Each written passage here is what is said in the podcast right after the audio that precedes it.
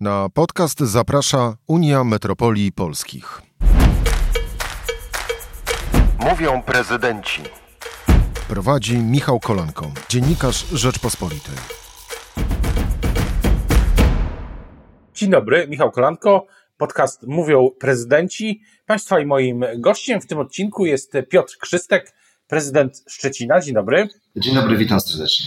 Panie prezydencie, chciałbym e, w tej naszej rozmowie porozmawiać bardziej szczegółowo o inwestycjach e, w mieście, w Szczecinie, też w ogólnym kontekście tego, co się teraz, e, mm, o czym teraz się mówi też w sferze samorządowej i, i politycznej. Chciałbym zacząć od tego raportu, który był o realizacji budżetu za mm, stanie Szczecina za 2020 rok i pamiętam taki wniosek w tych omówieniach był, że mm, udało się zrealizować inwestycje na rekordowym dla miasta poziomie.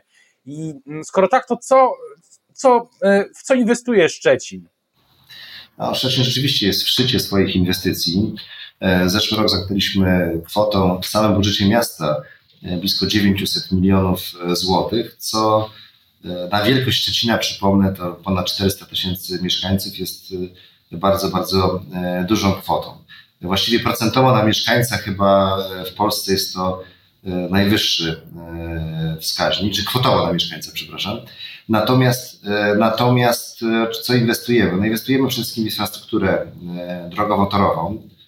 Tego się dzieje w tej chwili najwięcej w Szczecinie, ponieważ szczecińska komunikacja i trzon oparty jest o tramwaje, więc zmuszeni jesteśmy te torowiska utrzymywać w jak najlepszym stanie. Korzystamy przy tym oczywiście z funduszy E, unijnych, więc te tory się realizują. Z torami oczywiście modernizujemy drogi i węzły e, komunikacyjne. I to jest jakby jeden aspekt. Drugi to jest Szczecińska Kolej Metropolitalna, ponieważ chcemy, aby za jakiś czas, już w 2023 roku, ruszyła e, taka kolej właśnie, która będzie kolejnym elementem szkieletu komunikacji naszego miasta i połączy też naszych sąsiadów, a więc Gryfino, Stargard, E, Police e, i Goleniów e, ze Szczecinem.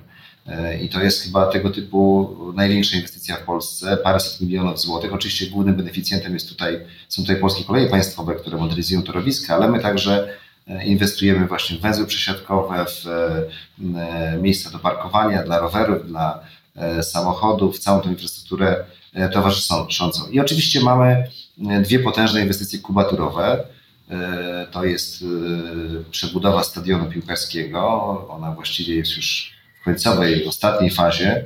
E, no i budujemy fabrykę wody, czyli takie centrum edukacji ekologicznej, edukacji związanej z wodą wraz z częścią rekreacyjną, czyli klasycznym akwaparkiem i. Więc to są dwa wielkie, wielkie, duże zadania, każdy ponad 300 milionów złotych, no i to generuje E, te nakłady z budżetu. Ważne jest to, że w trakcie mm, pandemii my nie zatrzymaliśmy żadnych procesów inwestycyjnych.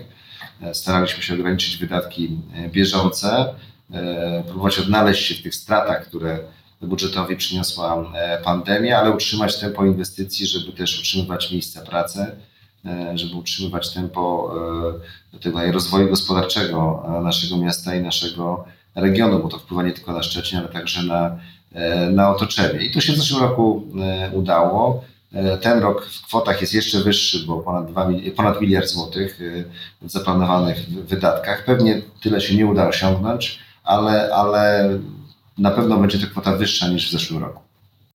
Na ile, no, mówi Pan o tych inwestycjach trans, w transport i o tym, że udało się je zachować czy, pomimo pandemii, a tak się zastanawiam, co, co dalej, co jest tym bo te inwestycje transportowe, tak obserwując inne miasta, że, że w pewnym momencie mm, miasta zmieniają swoje kierunki po tym, kiedy na przykład no właśnie wyczerpują pewne e, możliwości inwestycyjne, jeśli chodzi o transport, realizują główne inwestycje i wtedy zmieniają swoje kierunki czy podejście. Na przykład widzi Pan to w przyszłości w Szczecinie, że akcent będzie rozłożony na coś innego, gdy te mm, inwestycje główne transportowe się e, zakończą? Ja, oczywiście, że tak. Y, tutaj, gdy zrobimy te główne trakcje i szlaki komunikacyjne, przekierujemy się na inne zadania. Takim wielkim wyzwaniem dla Szczecina jest wyspa Łaszczownia i Kępa Parnicka. Ogromny projekt rozwojowy dla naszego miasta. Tam się też szykujemy do budowy nowego mostu, nowej przeprawy na wyspę, więc zaeksplorujemy te tereny nad wodą, które są bardzo atrakcyjne w Szczecinie i gdzie mieszkańcy chcą, aby miasto inwestowało. Tam się pojawiają, tam też będą apartamenty, restauracje, więc też i przestrzeń do rozwoju szczecińskiego E, biznesu, więc to jest, to jest taki element, który, który przed nami. Oczywiście też e, cały czas inwestujemy w e, bezpieczne warunki do inwestowania dla przedsiębiorców, dlatego że mamy tereny wokół Szczecina, tereny przy właśnie autostradach, gdzie rozwijają się parki przemysłowe, gdzie tworzą się dobre miejsca pracy. To jest bardzo ważne, żebyśmy oprócz tej infrastruktury typowo miejskiej, która wiąże się z życiem, z e, jakością życia, z, z takim bieżącym funkcjonowaniem, abyśmy też zadbali o ten element związany z miejscami pracy, bo miejsca pracy przyciągają do, do miast i nam też zależy na tym, aby ta liczba mieszkańców Szczecina e, nie spadała, tylko, tylko rosła. To jest ogromny problem w ogóle w Polsce, z wyludnianiem się e, gmin, powiatów.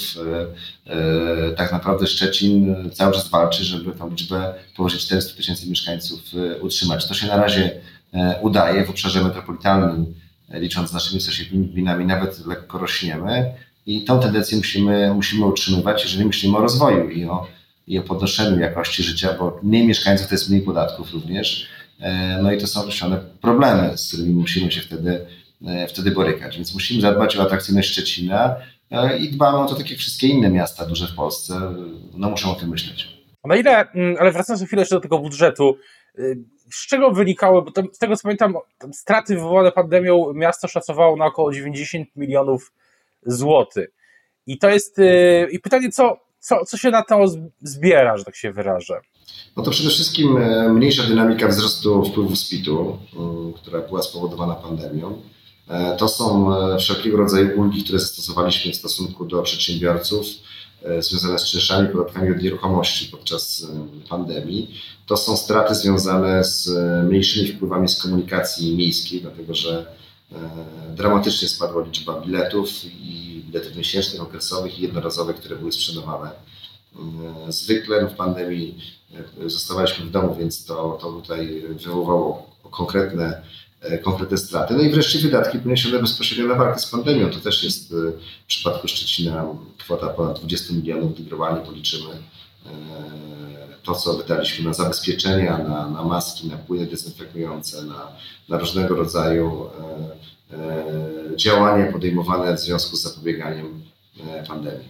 Ale, ale to były, tak dopytam, ale to były, ta kwota to jest tyle, ile się pan mniej więcej spodziewał, czy myślał pan, że będzie gorzej? E, myślałem, że będzie gorzej de facto. Budżet 2020 roku zamknął się wynikiem lepszym niż zakładaliśmy. Tak? My, e, gdy ta pandemia wybuchała już w marcu zeszłego roku, w kwietniu właściwie, e, dokonywaliśmy pierwszych korekt budżetowych liczyliśmy, że te straty będą grubo powyżej 100 milionów. Okazało się, że jest mniej niż 100 milionów i to nas cieszy. No to oznacza, że Szczecin jakby łagodniej przetrwał pandemię.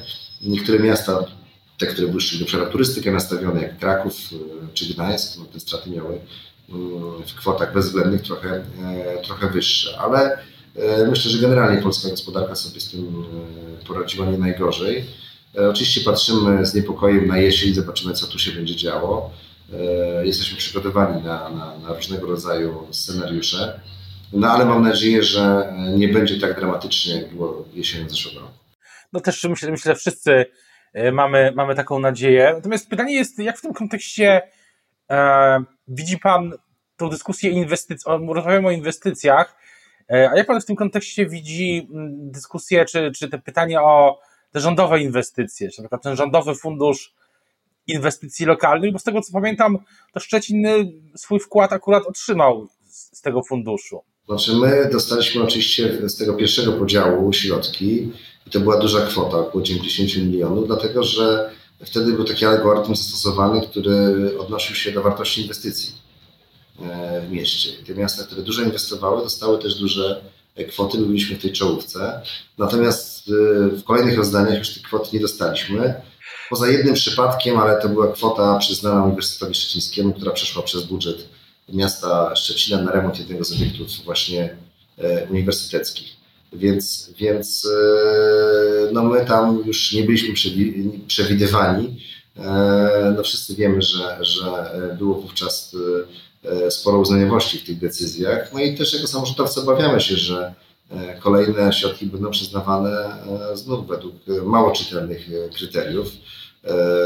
My chcielibyśmy przede wszystkim nie liczyć na to, że rząd nam coś da, tylko że zapewni nam na bieżąco racjonalne dochody, które pozwolą, pozwolą nam realizować zadania według naszych, naszych planów i te zadania inwestycyjne, ale też przede wszystkim te bieżące, dlatego że my ponosimy ogromne straty w tej chwili w wydatkach bieżących, bo ceny rosną dramatycznie, nasze wpływy nie nadarzają za tym wzrostem i to pogarsza naszą sytuację finansową i w tym samym ogranicza możliwości inwestowania. A pan, ma pan jakieś oczekiwania, jeśli chodzi o te, ten fundusz Polski Ład i czy, czy Szczecin złożył albo składa, bo chyba ten termin jeszcze do końca nie minął, projekty, te trzy projekty w ramach tego funduszu Polski, Polski Ład? Oczywiście, że składamy trzy projekty, natomiast my mamy w budżecie paręset projektów, więc to, co nam rząd ewentualnie może zaproponować, to jest bardzo, bardzo niewielki procent naszych zadań. Ja przede wszystkim liczę na to, że tak powinno być. Rząd powinien przede wszystkim rekompensować straty samorządów z tytułu ulg podatkowych, które chce udzielić, bo ten Polski Ład jest finansowany głównie środkami samorządów.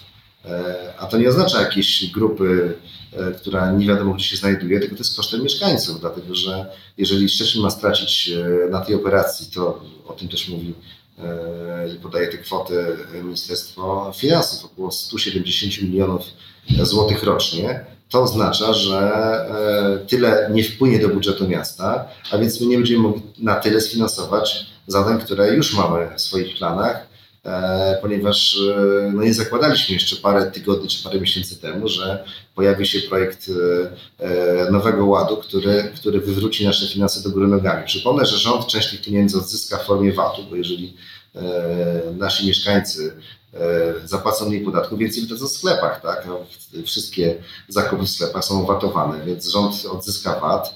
Rząd mało tego odzyska znaczne kwoty w wzroście składki za ubezpieczenie zdrowotne i dzięki temu zasypie dziurę w służbie zdrowia. Natomiast my zostaniemy, delikatnie mówiąc, na lodzie i to nie my jako samorządowcy, burmistrzowie, tylko nasi, nasi mieszkańcy. Ja chcę powiedzieć, że reforma samorządowa była jedną z najlepszych reform, jaka w Polsce została przeprowadzona. Była przez lata konsekwentnie poszerzana. My dostawaliśmy coraz więcej zadań i radziliśmy sobie z tym całkiem, całkiem nieźle. Myślę, że lwia część samorządów jest chwalona i akceptowana przez mieszkańców. I my się zajmujemy wszystkimi sprawami. Od wydania dokumentu, aktu urodzenia, prawa jazdy, dowodu rejestracyjnego, oświetlenie ulic, prowadzenie szkół, komunikacji publicznej, a kończymy na cmentarzu komunalnym, w końcu każdy tam ląduje. I, i tak naprawdę my jesteśmy blisko mieszkańców i, i my musimy mieć środki, żeby te problemy mieszkańców, z którymi do nas przychodzą, rozwiązywać, żeby świadczyć też na odpowiednim poziomie usługi, do których jesteśmy zobligowani. Dziś mamy naprawdę wysoki poziom, myślę, że porównywalny z wieloma krajami starej, starej Unii. No i mamy próbę odebrania pieniędzy, sprowadzenia tego do, do roli, którą no, w PRL-u miały samorządy, a więc e, już nie będzie wójtów, burmistrzów, tylko e, ktoś, e, kto będzie pełnił rolę naczelnika gminy i będzie, i będzie po prostu rozdysponowywał na, na, na zadania rządowe środki, które łaskawie stolica przyzna. Decentralizacja była dobrym kierunkiem, w tej chwili wracamy do centralizacji i to na pewno skończy się źle.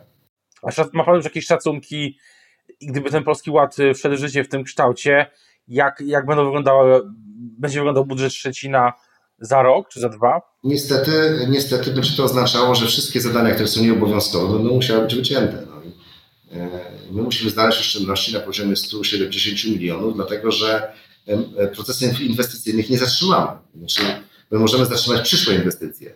Natomiast e, to, co jest w trakcie realizacji, gdzie są podpisane kontrakty, gdzie e, firmy są na pracach budów, to my tego nie możemy zrobić, więc musimy za wszelką cenę utrzymać, e, utrzymać te zadania. To się odbędzie kosztem programów i projektów, które w Szczecinie zrobiliśmy dla mieszkańców, które są rzeczami dodatkowymi, Na przykład? No na przykład, nie wiem, my jako pierwsi w Polsce prowadziliśmy 500 plus jako dopłatę do żłobków prywatnych i do niani w Szczecinie. Więc wszystkie dzieci, które nie dostaną się do żłobków publicznych, mogą skorzystać z, takiej, z takiego wsparcia ze strony samorządu. I te 500 zł co miesiąc do tych ludzi trafia. Będziemy się musieli pochylić, czy ten program utrzymać, czy go zlikwidować. My wypłacamy świadczenia opiekunom osób chorych na Alzheimera E, trzy razy w roku takie świadczenia wypłacamy, e, więc to jest też program, który nie jest obowiązkowy. E, to są nasze dotacje do organizacji pozarządowych. To są dotacje do klubów sportowych. To jest szereg projektów, które realizujemy w szkołach, które wykraczają poza ramy podstawy programowej. No będziemy musieli to rozważać, co, z czego zrezygnujemy, a co, co pozostawimy, na co będzie nas, nas stać. Bo trzeba pamiętać, że oczywiście rząd tutaj chętnie mówi o tym, że do tej pory PIT rósł cały czas. No rósł, tylko że ceny e, pracy, usług, usług budowlanych, e, robót budowlanych rosną w jeszcze szybszym e, tempie. I co z tego, że PIT nam w ostatnim roku, nawet w tym roku w stosunku do zeszłego roku delikatnie wzrasta, jak my musimy na wszystko wydać znacznie więcej E, pieniędzy. Do tego oczywiście pozostaje presja płacowa, e, która jest, bo przecież e, i nauczyciele oczekują podwyżek, i pracownicy sfery komunalnej. Mamy 13 tysięcy pracowników sfery komunalnej w Szczecinie, wliczając Czy... właśnie oświatę, nasze spółki, autobusy, komunikację publiczną itd. Tak itd. A tak się zastanawiam, czy, czy to jest tak, że pan i pre, inni pre, czy prezydenci, burmistrzowie, samorządowcy ogólnie, czy, czy uważa pan, że będzie, czy plan, planowana jest może taka akcja, której właśnie mieszkańcy bardziej bezpośrednio byliby o tych wszystkich sprawach e, informowani. Czy Państwo coś takiego planują, żeby. Oczywiście, że planujemy. Znaczy, czekamy na to, co zrobi rząd, dlatego że e, ja jeszcze ufam, że te tematy związane z Nowym Ładem będą przemyślane, bo wie pan, oczywiście idea obniżenia podatków jest słuszna, bo lepiej, żeby ludzie, ludziom zostawało, więcej pieniędzy w portfelach, tylko to nie może być z pieniędzy pożyczonych robione, ani kosztem jakości świadczonych usług przez państwo, bo państwo to nie tylko rząd, ale także samorządy. E, I, i my tutaj e, no, musimy przeciwko temu e, protestować, bo to narusza wszelkie reguły gry. My nie mamy na to wpływu, z nami się o tym nie rozmawia, nas się informuje o tym, że pewne działania będą, będą podejmowane. Tak naprawdę my widzimy, że rządowi brakuje pieniędzy. Zresztą E, ja nie wiem, z czego ten ład będzie finansowany, bo środki unijne też na ten e, na to wsparcie pokowidowe wcale nie są, e, nie są pewne, więc, więc idziemy naprawdę po, po kruchym lodzie, stąpamy i mając wzrost gospodarczy możemy znaleźć się w bardzo trudnej sytuacji, wręcz w sytuacji katastrofalnej, więc, więc naprawdę to nie jest czas na zabawę, tylko czas na poważne myślenie o tym, na jakich fundamentach polskie państwo powinno E, funkcjonować. Samorząd jest jednym z elementarnych, podstawowych fundamentów i rząd powinien dbać o samorząd, aby jak najwięcej tematów e, można było właśnie za pośrednictwem tej najbliższej mieszkańcom struktury e, zrealizować. U nas myśli się bardziej odwrotnie, no choćby nawet ostatni fakt, że 500 plus już trafi teraz do z powrotem do, do rządu, tak, to będzie to realizował ZUS. Nie wiadomo po co, skoro my tą strukturę zbudowaliśmy, teraz będziemy zwalniać ludzi, E, i, i przekazywać tą kompetencję e, komu innemu. No to trzeba było od razu przejąć to do, do ZUS-u, tylko że wtedy wiadomo, że byłby kłopot ze zorganizowaniem tego, byłyby, problemy. Wiadomo, że samorządy zrobiły to dobrze, sprawnie, szybko e, i najtaniej jak to było, jak to było możliwe. Dziś, gdy projekt funkcjonuje, my zwalniamy ludzi, a ktoś będzie ich zatrudniał. Nie rozumiem tego. To są takie naprawdę działania, które kierowane są w mojej ocenie bardziej PR-em niż merytoryką i to oczywiście nas wszystkich kosztuje, bo to, za to płacą podatnicy. To nie jest tak, że e, płaci jakiś e, wymaginowany rząd, tylko płacą podatnicy, e, mieszkańcy naszych miast, miejscowości, mniejszych, większych, tak naprawdę wszyscy. A ten, a na Dolnym Śląsku rząd zaproponował taki lokalny program Dolnośląski Ład i z tego co ja słyszałem, to mają być takie mm, te programy na wszystkie województwa, województwo zachodniopomorskie też, więc czy tutaj... Wie pan, no wie pan, na, na, skąd się wezmą na to pieniądze? No to, to pieniądze będą albo pożyczone, e, tak, albo znowu komuś zabrane.